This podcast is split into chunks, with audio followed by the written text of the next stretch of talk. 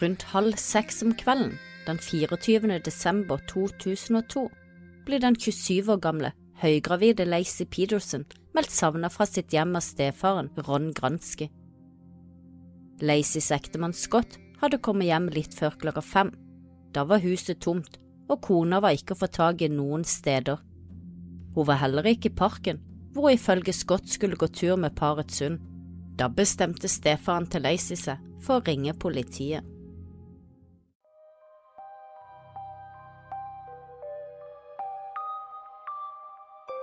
Sett deg godt til rette med noe godt i kroppen, og bli med inn i mord og mysteriers verden.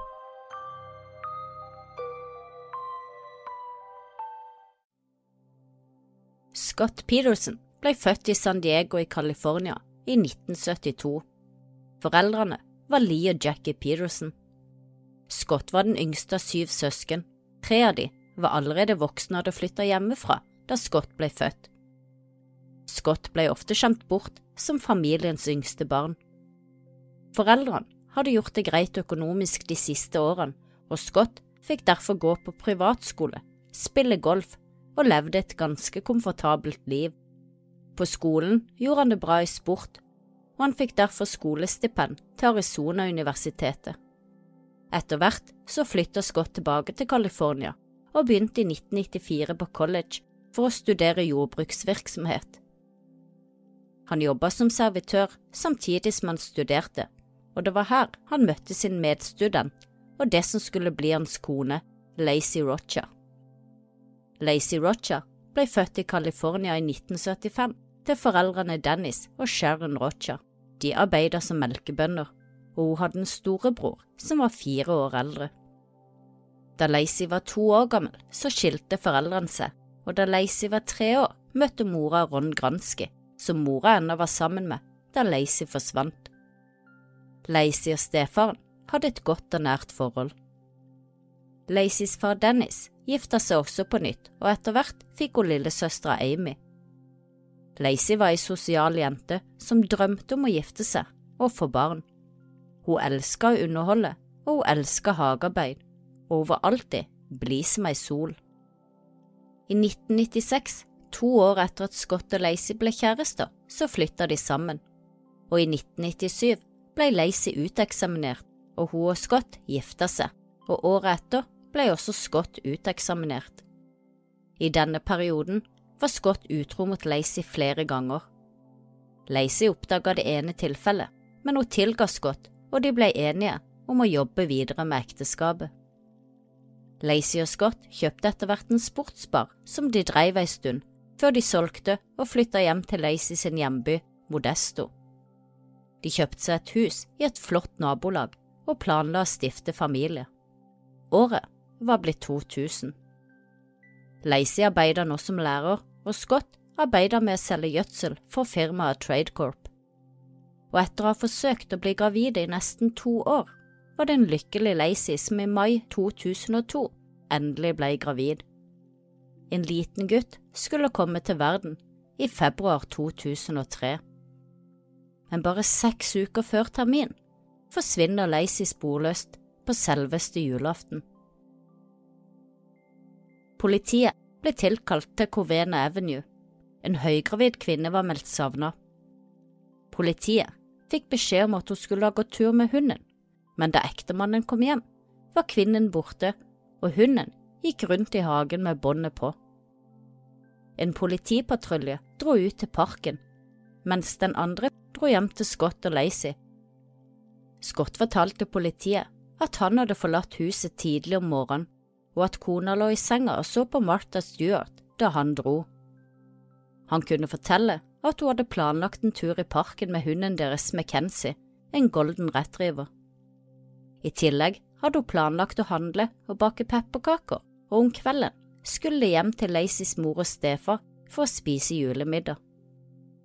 Godt sa at Lacy hadde på seg en hvit topp, sorte bukser, diamantøreringer, et halskjede samt ei klokke i gull eller diamant. Scott fortalte at han hadde dratt tidlig om morgenen for å arbeide før han dro til Berkeley Marina for å fiske litt. Han sa han kom hjem kvart på fem om ettermiddagen og at Lacey da var borte. Han sier at han gjorde litt rent og rydda litt, før han ringte til svigermor kvart over fem og fortalte at Lacey ikke var hjemme, og at han ikke visste hvor hun var.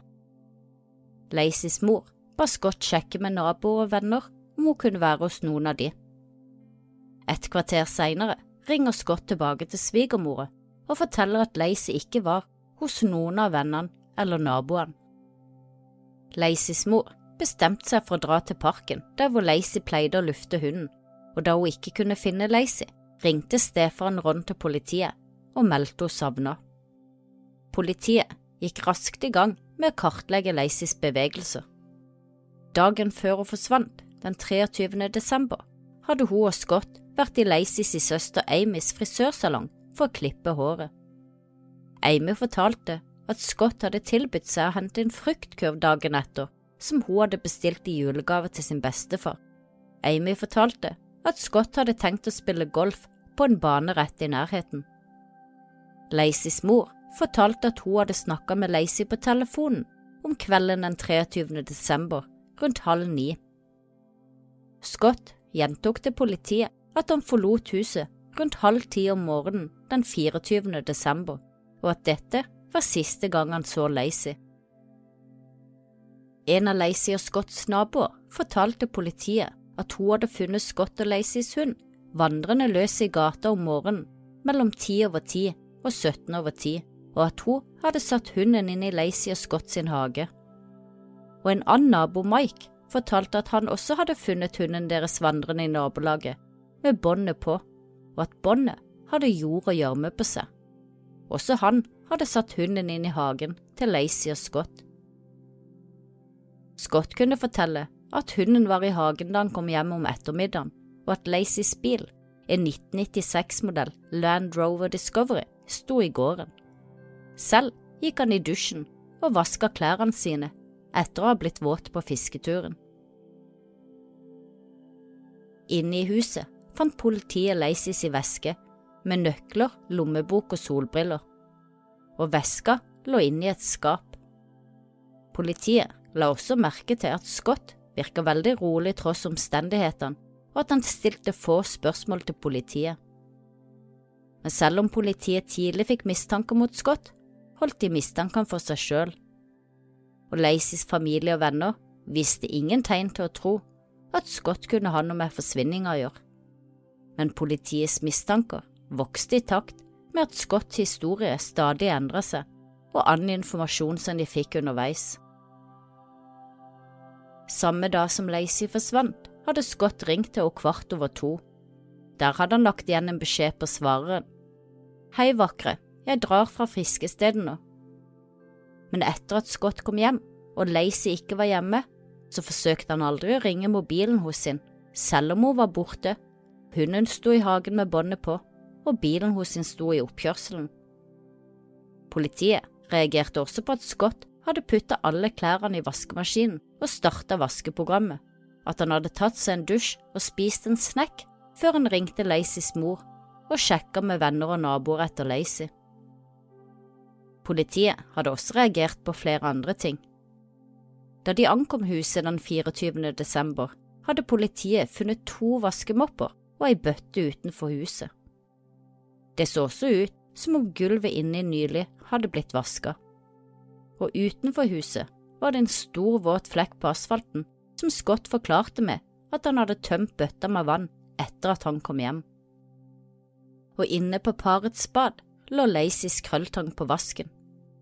På kjøkkenbenken sto ei åpen dressingflaske og en åpen pizzaeske fra kvelden før. På benken lå det også en telefonkatalog som var åpna på ei side som annonserte for forsvarsadvokater. Foran bakdøra, som leda ut mot hagen, fant politiet et gulvteppe som lå krølla opp mot døra. Det kunne se ut som om noe tungt hadde blitt dratt over teppet. Og da politiet oppdaga det, hadde Scott vært rask med å rette ut teppet og skyldt på hunden. Politiet fant heller ingen tegn til innbrudd, og Lacys smykker og vesker var urørt. Scott fortalte nok en gang at han hadde vært og fiska og overrakte på eget initiativ en parkeringslapp til politiet. Han forklarte at han hadde bestemt seg samme morgen for å gå og fiske fordi det var for kaldt til å golfe. Og til politibetjenten, som selv var en erfaren fisker, hevda Scott at han hadde vært ute for å fiske stør. Men politibetjenten visste godt at det ikke var sesong for å fiske stør nå. I tillegg var det forbudt å fiske etter stør i desember, og agnet Scott oppga å ha brukt, var feil type agn til størfiske. Var Scott en amatørfisker, eller løy han, undra politibetjenten seg. På Scott og Lacey soverom la politiet merke til et avtrykk i senga, forma som en innpakka kropp. Politiet la også merke til et lite kutt på Scotts knoke. Båten som Scott hadde vært ute og fiska i, fant politiet ut at han hadde kjøpt kontant for 1400 dollar den 9. desember, bare to uker tidligere, dette på tross av at Scott og Lacey hadde en trang økonomi. Scott hadde heller ikke registrert båten, og ingen av Scotts venner eller familie kjente til båten. Og båten hadde blitt brukt første gang den 24. desember og fiskeagnet som Scott hevda å ha brukt på fisketuren, ble funnet uåpna bak i bilen hans. Politiet stusset også på at Scott hadde dratt hele veien til Berkeley Marina for å fiske, for plassen lå nemlig 14 mil fra hjemmet deres, og på veien dit passerte han ni andre fiskesteder som han kunne ha stoppa på. I tillegg hadde han bare fiska i underkant av en time før han hadde forlatt marinaen. Utover kvelden den 24. desember blir Scott stilt mange spørsmål av etterforskeren. Spørsmål om hans bevegelser og forholdet til sin kone Lacey. Han forteller at han og Lacey ikke hadde noen problemer i ekteskapet, og at ingen av de hadde noen affærer. Politiet bemerker seg at Scott prater om Lacey i fortid. Samtidig som at Scott er inne til avhør, prater politiet med Lacey og Scott sine naboer, og de sjekker opp alt Scott forteller. Scott har også gitt politiet tillatelse til å undersøke lageret hans, men han sa samtidig at det kunne bli vanskelig for dem da lageret var uten elektronikk og bekmørkt.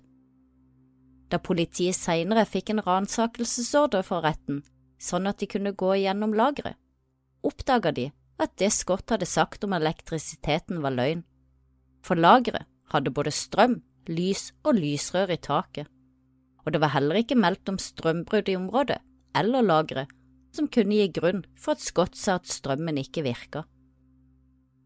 Og Scott og Laceys naboer, Tara og Amy, fortalte politiet at gardinene hadde vært trukket for hos Scott og Lacey hele dagen den 24. desember. De sa at dette var uvanlig om Lacey var hjemme. De fortalte også at de ofte hadde vondt av Lacey, fordi mannen hos sin Scott stadig vekk var borte på overnattingsturer. I tillegg kunne de fortelle at Lacey de siste ukene sjeldent var ute og gikk, og ikke hadde gått tur med hunden på flere uker på grunn av graviditeten. I sitt andre avhør den 25. desember blir Scott spurt om å ta en løgndetektortest. Scott sier nei til dette den 26. desember var to av Lacys venner, Stacey og Laurie, inne til avhør hos politiet. Begge forteller hver for seg at de mistenker at Scott kan ha noe med Lacys forsvinning å gjøre, og begge kunne bekrefte at Lacy ikke hadde gått tur med hunden eller andre turer siden starten av desember, da graviditeten hadde gjort det vanskelig for henne. 27. desember får politiet tillatelse til å ransake Scotts hjem, arbeidsplass og begge kjøretøyene. Da politiet hadde vist han ransakelsesordren, hadde Scott sett på de og sagt Hvor er tilliten? Politiet hadde gjort flere interessante funn. De fant Lacey sine smykker, de samme smykkene som Scott hadde sagt at Lacey hadde på seg da hun forsvant. De fant også Lacey sine sko, de skoene som Scott hevdet at Lacey brukte hver gang hun gikk på tur. På Scott sitt kontor fant politiet fire innramma diplomer. Tre av de viste seg å være falske. Ett av de var et diplom som hevdet at Scott hadde bachelor i religiøse studier, et diplom som Scott hadde kjøpt for 270 dollar den 16. desember. En søkehund fikk lukte på noen av Lacey sine klær. Hunden fulgte lukta ut til midt på gata, og etterforskeren tolka dette som at Lacey måtte ha forsvunnet i en bil og ikke til fots. På Skottslager hadde likhunder markert på båten og båthengeren, men ingen andre steder, heller ikke på utsiden av lageret. Og om politiet ikke allerede nå hadde sterke mistanker om at Scott hadde noe med Lacey sin forsvinning å gjøre, skulle den bli ytterligere forsterket bare to dager senere, da ei kvinne ved navn Amber Fry tar kontakt med politiet den 29. desember, og hun kan fortelle at hun er kjæresten til Scott, og at de har vært kjærester siden tidlig november. Neste dag kommer Amber inn til avhør, og hun forteller at hun møtte Scott første gang tidlig i november gjennom sin venn Sean Sibley. Sean hadde møtt Scott i slutten av oktober på en jobbkonferanse, og dagen etter konferansen hadde ei gruppe med deltakere satt seg i hotellbaren for en pils og se på fotballkamp. Her hadde hun kommet i prat med Scott, og de fikk ei god tone utover kvelden. Ingen visste at Scott var gift, og han hadde ikke hatt på seg gifteringen. Og Scott hadde blant annet spurt Sean med en spøkefull tone hva han skulle skrive på navneskiltet sitt for å tiltrekke seg det motsatte kjønn. Sean hadde foreslått at han skrev Jeg er rik. Scott hadde ledd og svarte at han skulle skrive KJ for kåt jævel. På dette tidspunktet var det flere av de andre deltakerne som opplevde Sean og Scott som veldig flørtende da de hadde pratet og ledd i flere timer. Men Sean hadde på seg forlovelsesringen og var tydelig på at hun var i et godt og forpliktende forhold. Neste dag hadde hun og Scott utveksla businesskort før de reiste hver til sitt. Men et par uker etter konferansen hadde Scott ringt til Sean og spurt om hun hadde noen venninner som kunne tenke seg å treffe han. Og etter å ha tenkt seg litt om, foreslo Sean Amber Fry. Det tok bare noen dager før Amber og Scott møttes for første gang. Amber var 26 år gammel og alenemor. Hun arbeider som massasjeterapeut i California, ca. én times kjøretur fra Modesto der hvor Scott bodde. Og allerede på deres første date falt Amber for Scott. Han hadde oppført seg som en ekte gentleman, og daten varte hele helga. De hadde tatt inn på et hotell, og Scott hadde varta henne opp med blomster, jordbær og champagne. Amber følte at hun hadde møtt den perfekte mannen. Og på deres andre date laga Scott middag til Amber og kjøpte gaver til dattera hennes. Og Amber ble bare mer og mer betatt av Scott. Han hjalp henne med å hente juletre, og de snakka om at Scott skulle få møte Ambers familie. Men det Amber ikke visste, var at det meste Scott sa til henne var løgn. Hun ante ingenting om at han var gift. Han hadde også lydd om hva han arbeidet med, og han hadde gitt inntrykk til Amber om at han var en forretningsmann som reiste verden rundt i forbindelse med jobb. Da juleferien hadde nærmet seg, hadde Scott fortalt Amber at han ikke kunne tilbringe ferien med henne fordi han skulle på jakttur. Deretter skulle han til Maine i jula, og videre til Paris og Brussel, hvor han skulle feire nyttårsaften, for deretter å reise til Mexico og arbeide. Ingenting av dette var sant. Den 8. desember fikk Sean, som hadde koblet sammen Amber og Scott, en telefon av en bekjent som fortalte at Scott var gift. Sean ble sjokkert og ringte umiddelbart til Scott og ba om en forklaring. Scott hadde fått roa Sean ned, og fortalte at han hadde vært gift tidligere. Sean sa at hun ville fortelle det til Amber, men Scott trygla henne om å få fortelle det selv. Neste dag besøkte Scott Amber, og så fort han kom inn i hus, så sa han at han hadde noe å si til henne. Scott hadde grått ukontrollert, og Amber fikk roe han ned etter ei stund.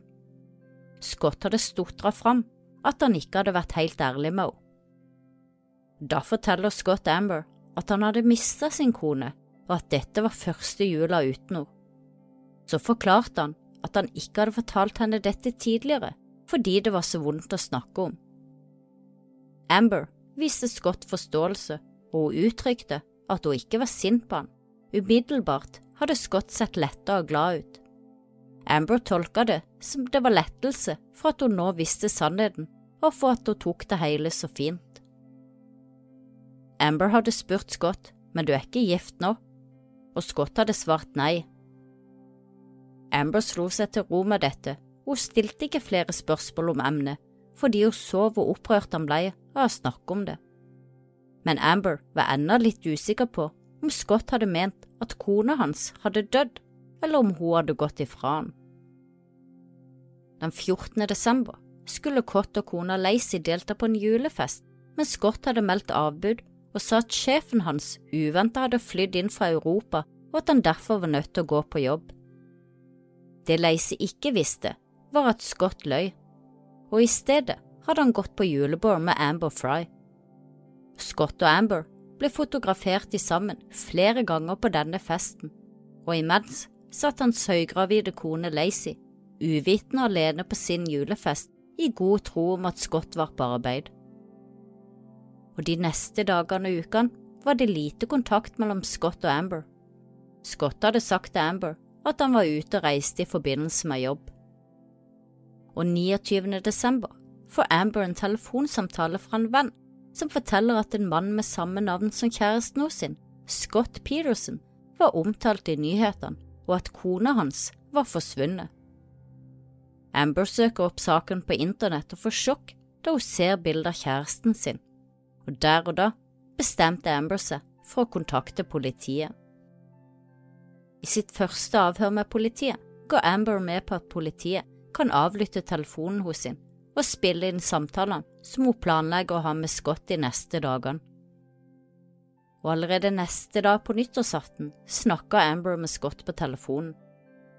Scott var på en samling utendørs for han savnede kone. Der ble det holdt taler og sendt opp ballonger for Lacey, da Amber ringte til han. Scott tok telefonen, og de prata i 70 minutter. Men Scott fortalte Amber at han var ved Eiffeltårnet og feira nyttårsaften med sine kollegaer Pascal og Francois. Scott hørtes ut til å være i godt humør, og han ler mens han forteller Amber om alt det gøye han har gjort i Frankrike. Alt dette mens han står i en menneskemengde som gråter og er bekymra for hva som har skjedd med kona hans Lacey.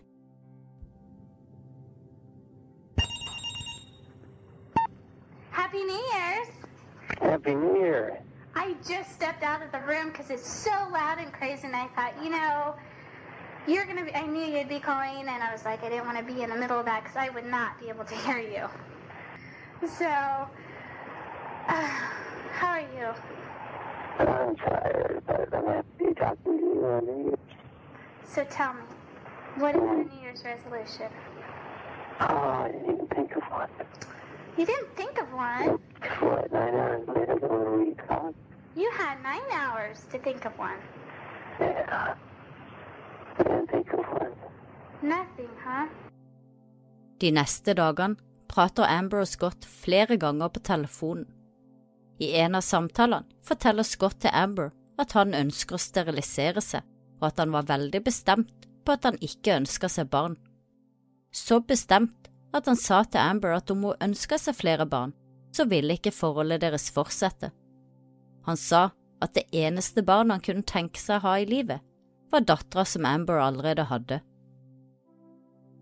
Først en uke etter nyttårsaften bekrefter Scott til Amber at han var mannen i nyhetene hvis kone var savna.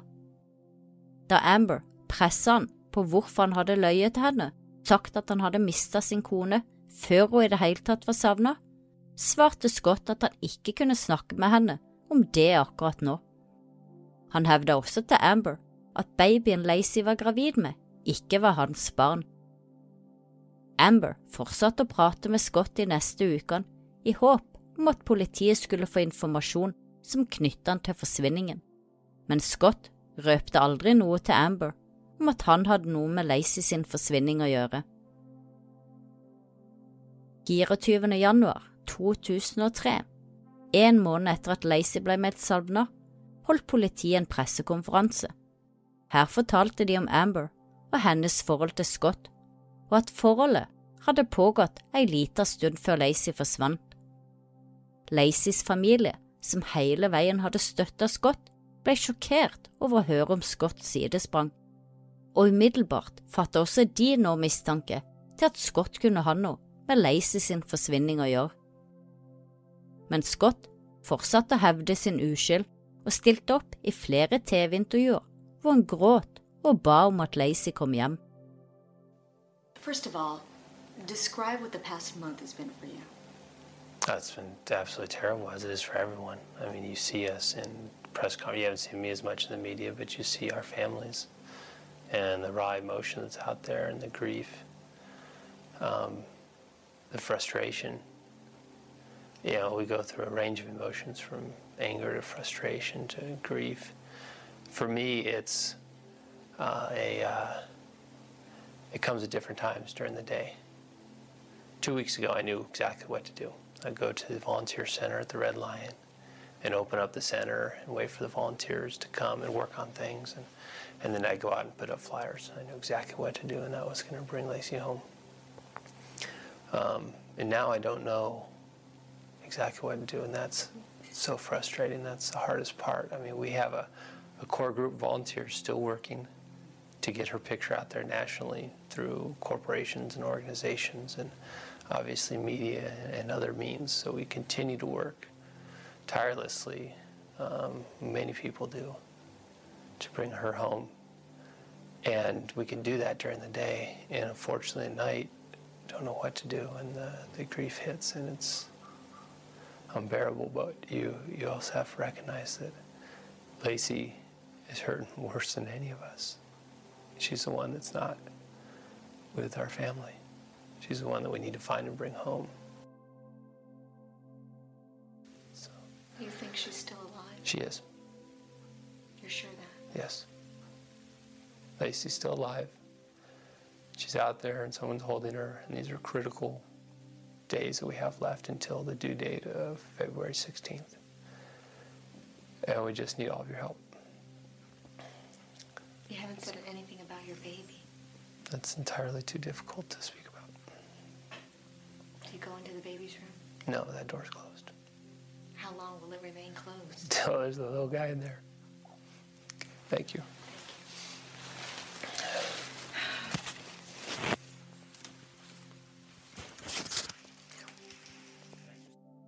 I mellomtida hadde politiet oppdaga flere ting som Scott hadde gjort, og som fortsatte å øke mistanken deres. Den 5., 6. og 9. januar hadde Scott leid en bil og kjørt til Berkeley Marina, hvor han hadde vært og fiska den dagen Lacey forsvant. Alle tre gangene hadde han kjørt til havna, gått ut av bilen og stirra utover havet i et par minutter, før han satte seg i bilen og kjørte hjem igjen. Først i april 2003 tar saken en ny vending, da Lacey og hennes ufødte sønn Connor blir funnet den 13. og 14. april. Begge ble funnet i vannet ved Berkeley Marina. Like etter ble Scott arrestert. Scott var i San Diego sine foreldre da politiet arresterte ham. Scott hadde på dette tidspunktet farga håret og skjegget sitt fra mørkt til blondt. På seg hadde han broren sitt ID-kort, 15 000 dollar i kontanter, en del meksikanske penger, fire mobiltelefoner, en kniv, omfattende overlevelsesutstyr, telt, spade, vannrenser, en pistol, Viagra og alle klærne sine. Da Scott ble spurt om hvorfor han hadde farga hår og skjegget, svarte han at det hadde blitt bleika etter at han bada i et basseng og familien til Scott hevder at han brukte brorens ID-kort sånn at han kunne få rabatt på golfbanen. Politiet noterte seg at Scott aldri hadde bestilt noen time på golfbanen, og hvorfor trengte han en rabatt med 15 000 dollar på seg? Politiet mistenkte at Scott hadde planlagt å flykte til Mexico. 18. april blir Scott fengsla og sikta for dobbeltdrap. Underveis i etterforskninga ble det klart at Scott løy om alt mulig, også om ting som ikke var relevant for saken. Det kom også fram at Scott hadde vært utro flere ganger mot Lacey etter at de gifta seg, og de oppdaga raskt at Scott hadde en tendens til å lyve om alt mulig til omtrent alle han kjente. Under rettssaken hevda påtalemyndighetene at Scott Peterson drepte sin gravide kone enten om kvelden 23. desember eller tidlig om morgenen den 24. desember, antageligvis ved kvelning. Lacys kropp hadde vært så dekomposert da den ble funnet at rettsmedisinsk ikke klarte å fastslå dødsårsaken. Deretter mente de at Scott kjørte den døde Lacy til Berkeley Marina, hvor han dumpa Lacy i havet fra den nye båten sin, båten som han ikke hadde registrert, som han kjøpte kontant og unnlot å fortelle om til venner og familie. Da liket av Lacey ble funnet, var det kun overkroppen som ble funnet. Arme, hode og føtter mangla. Politiet mente derfor at Lacys kropp antageligvis hadde blitt festa i betong før hun ble kasta i havet, og derfor var det kun overkroppen som fløt opp og inn til land. Politiet hadde få konkrete bevis og DNA som knytta Scott til drapet, men de hadde mange indisier som pekte i den retninga. Indisier som var litt for mange og litt for mistenksomme til å kunne være tilfeldige. Den største at Lacey ble funnet rett ved der Scott hevda å ha fiska den dagen hun forsvant, 14 mil fra hjemmet deres. I tillegg var det alle løgnene, affæren med Amber, og hvordan han smilte og lo mens alle andre gråt og var bekymra for Lacey. Det eneste rettsmedisinske beviset politiet hadde, var et hårstrå fra Lacey, som politiet fant i Scott sin båt.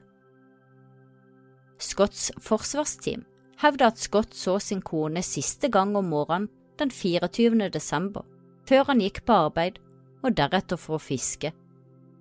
De hevder at det kun var en tilfeldighet at Lacey ble funnet akkurat der hvor Scott hadde fiska, eller at den virkelige morderen prøvde å legge skylden over på Scott og hadde dumpa den døde Lacey der i ettertid.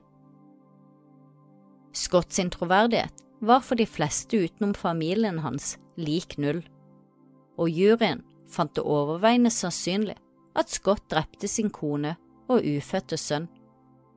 Scott ble dømt for drapene og dømt til dødsstraff i 2004, ett år etter at Lacey ble funnet død. Flere av jurymedlemmene fortalte i ettertid at Scotts væremåte og hans mangler på følelser, samt alle samtalene med Amber etter at Lacey var forsvunnet, overbeviste de om at han var skyldig, og at alle indisiene samla levna liten tvil om at Scott var den skyldige, og de mente at dødsstraff var fortjent for å ha svikta sin kone og sønn på det groveste. Opp gjennom årene er det mange som likevel mener at Scott er uskyldig, blant annet hans svigersøster. Hun mener å ha bevis for at Scott ikke har løyet, og at tidslinja med alle vitnemål bekrefter at Scott ikke kunne ha tid til å drepe Lacey. De hevder at Scott fortalte forskjellige mennesker forskjellige ting, og at det derfor ble oppfatta som at han løy eller endra historie. Men hvis man ser på vitnemåla og setter de sammen, så passer alt perfekt. For eksempel, da han kom hjem fra fisketuren, så var hunden i gården med båndet på. Lacys bil sto i oppkjørselen, men hun var ikke hjemme. Scott tenkte derfor at hun var blitt hentet av sin mor for å hjelpe til på forberedelsene til julemiddagen. Da han kom inn, så løp hunden og kattene inn i huset. Katten skulle til å drikke av vaskebøtta som sto på gulvet, og det var grunnen til at Scott hadde tømt denne ute i gården. Klærne satte han til vask fordi de var våte. Dessuten arbeidet Scott med kjemikalier, så det var dagligdags for han å legge klærne til vask når han kom hjem. Deretter spiste han litt pizza og gikk i dusjen. Og etter dusjen lytta han gjennom beskjeden på telefonsvareren, og da den siste meldinga var fra Lacey sin stefar som spurte om hun kunne ta med seg piska krem til julemiddagen, forsto Scott at Lacey ikke var hos de, slik han først hadde trodd, og det var da han hadde ringt hjem til mora til Lacey. De mener også at alt Scott har sagt om når han forlot hjemmet og arbeidsplassen stemmer, og at parkeringsutskrifter og bompasseringer bekrefter at han dro der han sa, og til riktige tidspunkt. Scott hadde sagt til politiet at siste gang han så Lacey, rett før han dro, så satt hun på benken i ganga og var så søt da hun holdt på å krølle håret, slik søstera hadde lært henne dagen før. På bilder tatt av politiet samme kveld som Lacey ble meldt savna, viser at krølltanga ligger på benken der Scott sa at han så henne sitte. Hushjelpa bekrefta at krølltanga ikke hadde ligget der da hun var der dagen før. De mener at alt Scott har forklart om sine bevegelser og aktiviteter om dagen Lacey forsvant, kan bevises, og bekrefter dermed at han ikke lyver. Selv om mye av det Scott forteller om sine bevegelser denne dagen stemmer overens, er det ikke bevis godt nok for at Scott ikke kan ha drept Lacey. Det er likevel rom for at han kunne ha gjennomført drapet. Kun Lacey og Scott vet nøyaktig når de sto opp og hva som skjedde. Spørsmålet er vel heller om drapet var planlagt eller spontant utløst i en krangel. Det er ting som tyder på at Scott allerede hadde planlagt å drepe henne. Kanskje hadde han ikke bestemt helt når, men at noe utløste dette denne julemorgenen. I juli 2012 forsøkte Scotts advokat å få rettssaken mot Scott ugyldiggjort. Årsaken var at advokaten mente at all publisiteten rundt rettssaken og andre feil hadde frarøvet Scott muligheten til en rettferdig rettssak. Advokaten mente blant annet at et av jurymedlemmene hadde løyet på spørsmål i jurysøknaden, og han mente også at det var bevis for at naboer hadde sett Lacey i live etter at Scott dro på arbeid om morgenen den 24. desember. Først i juni i år, 2020, fikk Høyesterett høre argumentene i Scotts sak, og den 24. august avgjorde Høyesterett at Scott var skyldig i drapene, men de omgjorde dødsstraffen til livstid. Årsaken var at dommeren under Scotts rettssak i 2004, og som døde i 2008, hadde avvist alle jurymedlemmer som var imot dødsstraff. Major development in the case of Scott Peterson, the Supreme Court of California overturning his death sentence. Now remember, he was convicted in the killing of his wife Lacey and their unborn child. Selv om Scott ennå hevder å være uskyldig, er det med alle indisiene i saken vanskelig å tenke seg at noen andre kan stå bak drapet på hans kone og ufødte sønn. Ingen andre hadde motiv eller mulighet slik Scott hadde. Scott ønska et nytt liv med Amber uten Lacey og sin ufødte sønn, så i stedet for å skille seg sånn som normale mennesker gjør, valgte han i stedet å frarøve de livet. Etter den endelige dommen i august i år, med livstid i fengsel, så uttalte Scotts elskerinne Amber Fry at hun var glad for at dommen ble opprettholdt og at han må sone livstid i fengsel.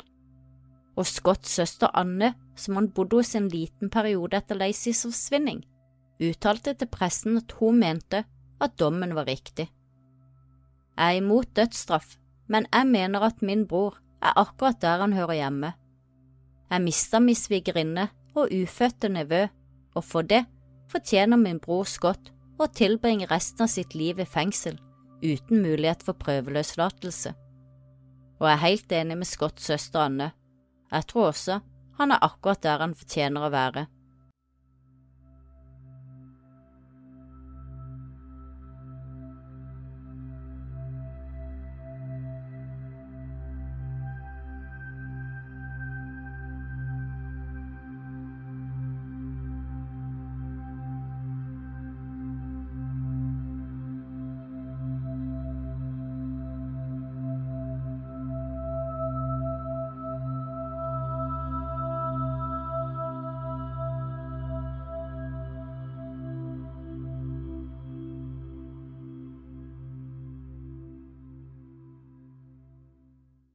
Har du et enkeltpersonforetak eller en liten bedrift? Da er du sikkert lei av å høre meg snakke om hvor enkelt det er med kvitteringer og bilag i fiken, så vi eh, gir oss her, vi. Fordi vi liker enkelt. Fiken superenkelt regnskap.